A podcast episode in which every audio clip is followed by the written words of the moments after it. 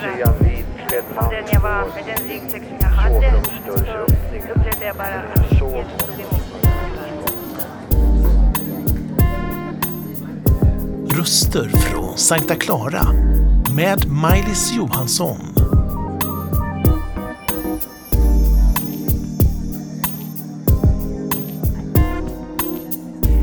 Välkommen till Sankta Clara... Shh. Jag fick inte säga Klara. Röster från Sankta Clara. Varenda gång samma sak. Välkommen till Röster från Klara kyrk... Nej, Röster från Sankta Clara. en gång till. Röst... Väl... Vänta. Eh, Här brukar jag inte haka upp sig så här. Röst... Nej. Nu jag inte gör för många här. Säg vad du vill. Eh, Nej, inte ett dugg. Välkommen till Röster från Klara. Och idag har jag ingen mindre än Ruben Agnarsson på besök. Och vem är han? Ja, du får ju presentera dig själv här. Varsågod. Min pappa kommer från Värmland, min mamma uppvuxen i Oslo. Sydvästra Värmland, pappas föräldrahem och eh, jag är uppvuxen i ett hem där tron på Jesus fanns närvarande. Vi var tre syskon som växte upp. Hur Ruben, jag har ju alltid sett dig som en tjusig man som vet vad du vill så att säga. Och du står med två fötter på jorden och du vet vad Bibeln är och Guds ande och allt det här.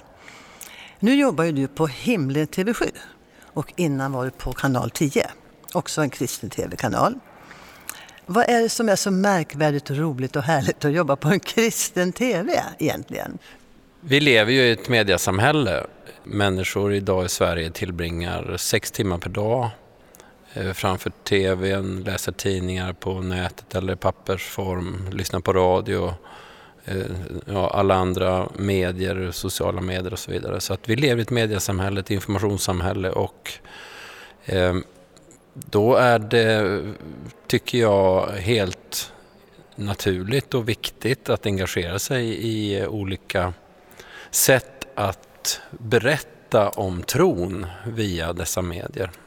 På ett relevant och intressant och sen så som, som kristen så, så har ju, jag menar att det finns en mängd olika områden som kan vara intressant att belysa. Alltså det evangeliet är ju själva det centrala men du har också Mellanösternfrågan som är väldigt laddad där det finns väldigt mycket ska man säga, föreställningar eller snarare vanföreställningar om vad som pågår där nere.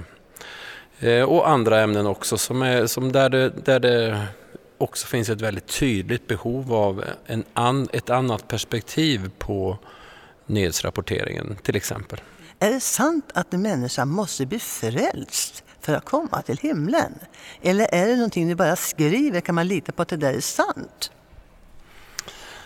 Ja, det, då får man ju gå till urkunden, så att säga, Bibeln och, och säga vad Jesus sa och han säger att alla som tar emot mig, de får makten att bli Guds barn. Och han säger också på ett annat ställe att, att vi för att komma in i himmelriket så måste vi bli som barn. Och den här barnsliga förtröstan på att Gud är god, att han älskar mig, att han också eh, har berett en väg för mig att för att återkoppla och återknyta kontakten med Gud genom Jesus, det Jesus gjorde på korset, hans död och uppståndelse. Eh, ja, där någonstans ligger eh, så att säga det Bibeln beskriver som vägen till frälsning. Sen är det ju så att även om då Bibeln har den här beskrivningen så är det, så är det ju upp till mig att uppleva detta och, och faktiskt få en personlig erfarenhet av att mitt liv kan förvandlas. Så det, det är ju inte bara så att säga ett försanthållande eller liksom en teori utan det är också en personlig upplevelse där jag faktiskt får uppleva Guds kärlek. Jag får faktiskt konkret uppleva eh, att han leder mig, att, att han har omsorg om mig och så vidare. Så, att det, så det, det är liksom både det, så att säga, det objektivt sanna eh, och, men också min personliga upplevelse av detta blir en verklighet i mitt eget liv.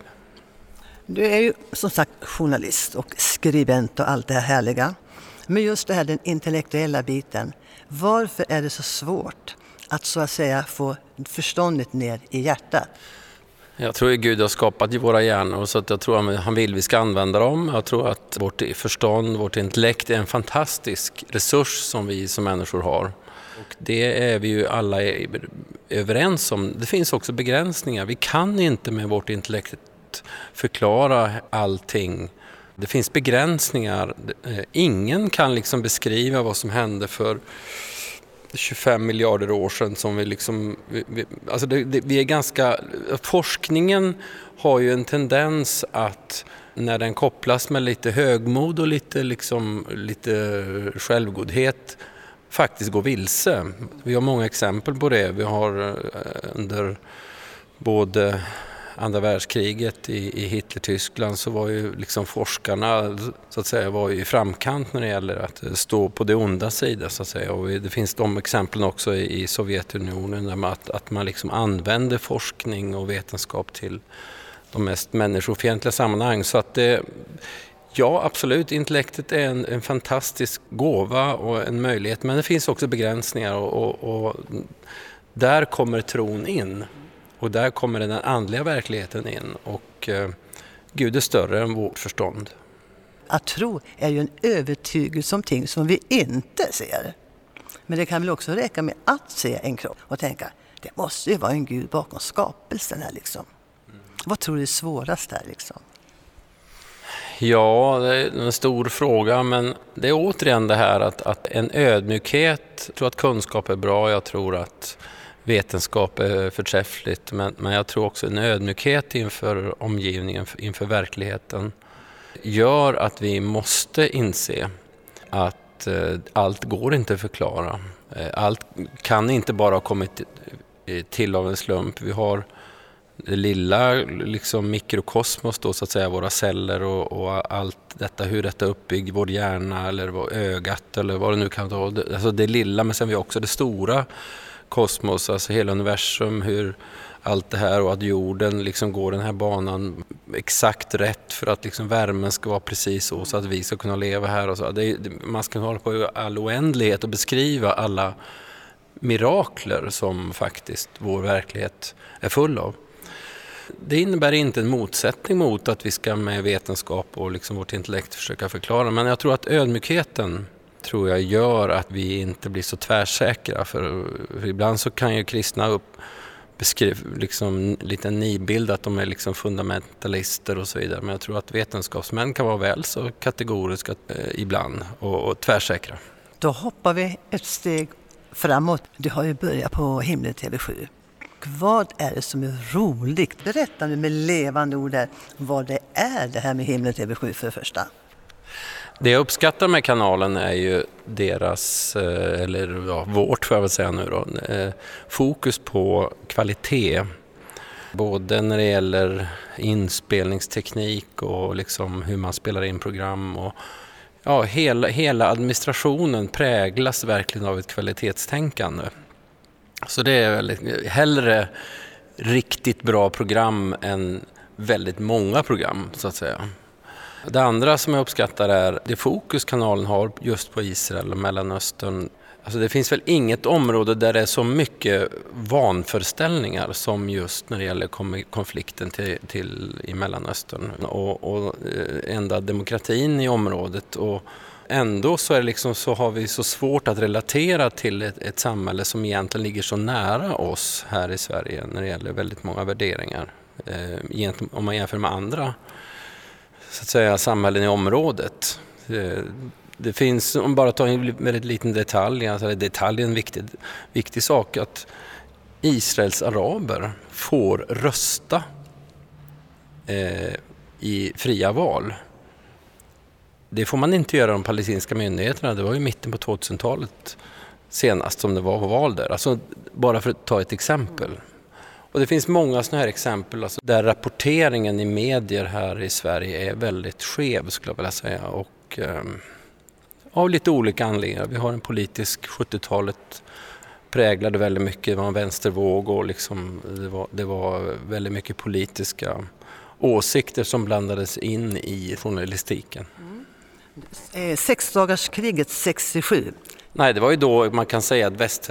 lite grann fram till det så hade ju Israel varit underdog och varit liksom, man hade förintelsen och sen, men sen på, efter 20 år så hade ju staten Israel eh, blivit en stark nation.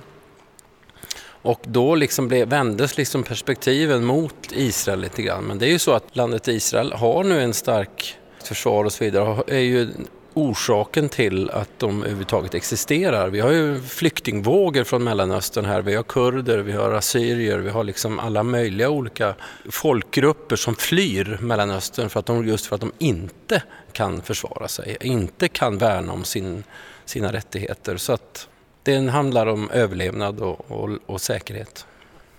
Tror du att du får många mejl nu till Himlen TV7?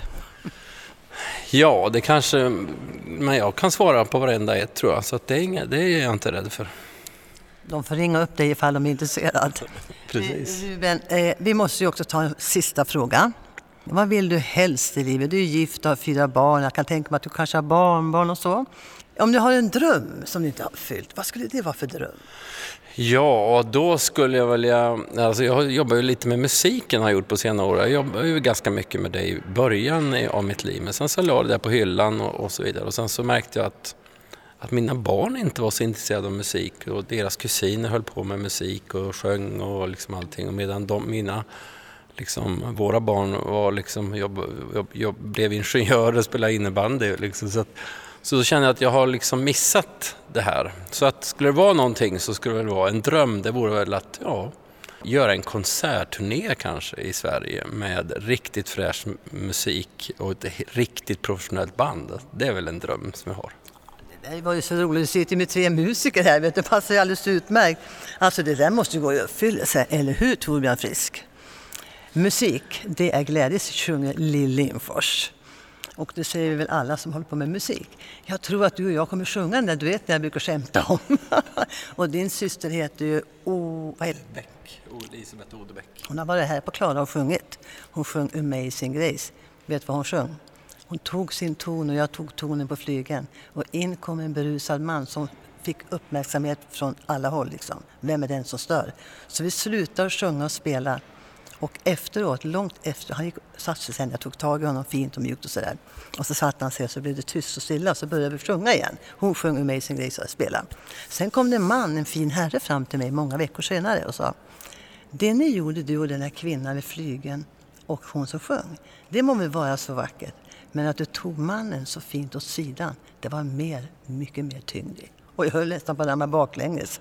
Det hade han märkt, världens människa såg det kristna budskapet i handling. Så musik kan eh, liksom ske på många sätt, skulle jag vilja säga. Ruben Agnarsson från Himlen TV7 från Uppsala. Men nu tackar jag för mig den här gången och önskar dig Guds frid. Men innan dess så vill vi ha en liten slutbön. Vi tackar dig Jesus för att du vill möta varje människa som lyssnar på det här programmet. Att du vill tala till dem, att du vill visa dig din kärlek och din, att du är en verklighet för dem. Tackar dig för att du Jesus är beredd att gå in i varje hjärta som öppnar sig för dig. För alla de som vill bli Guds barn. Vi tackar dig Jesus. Amen. Har denna berättelse berört dig på något sätt?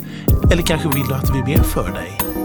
Kontakta oss på info snabel-a sverigeskristnaradio.se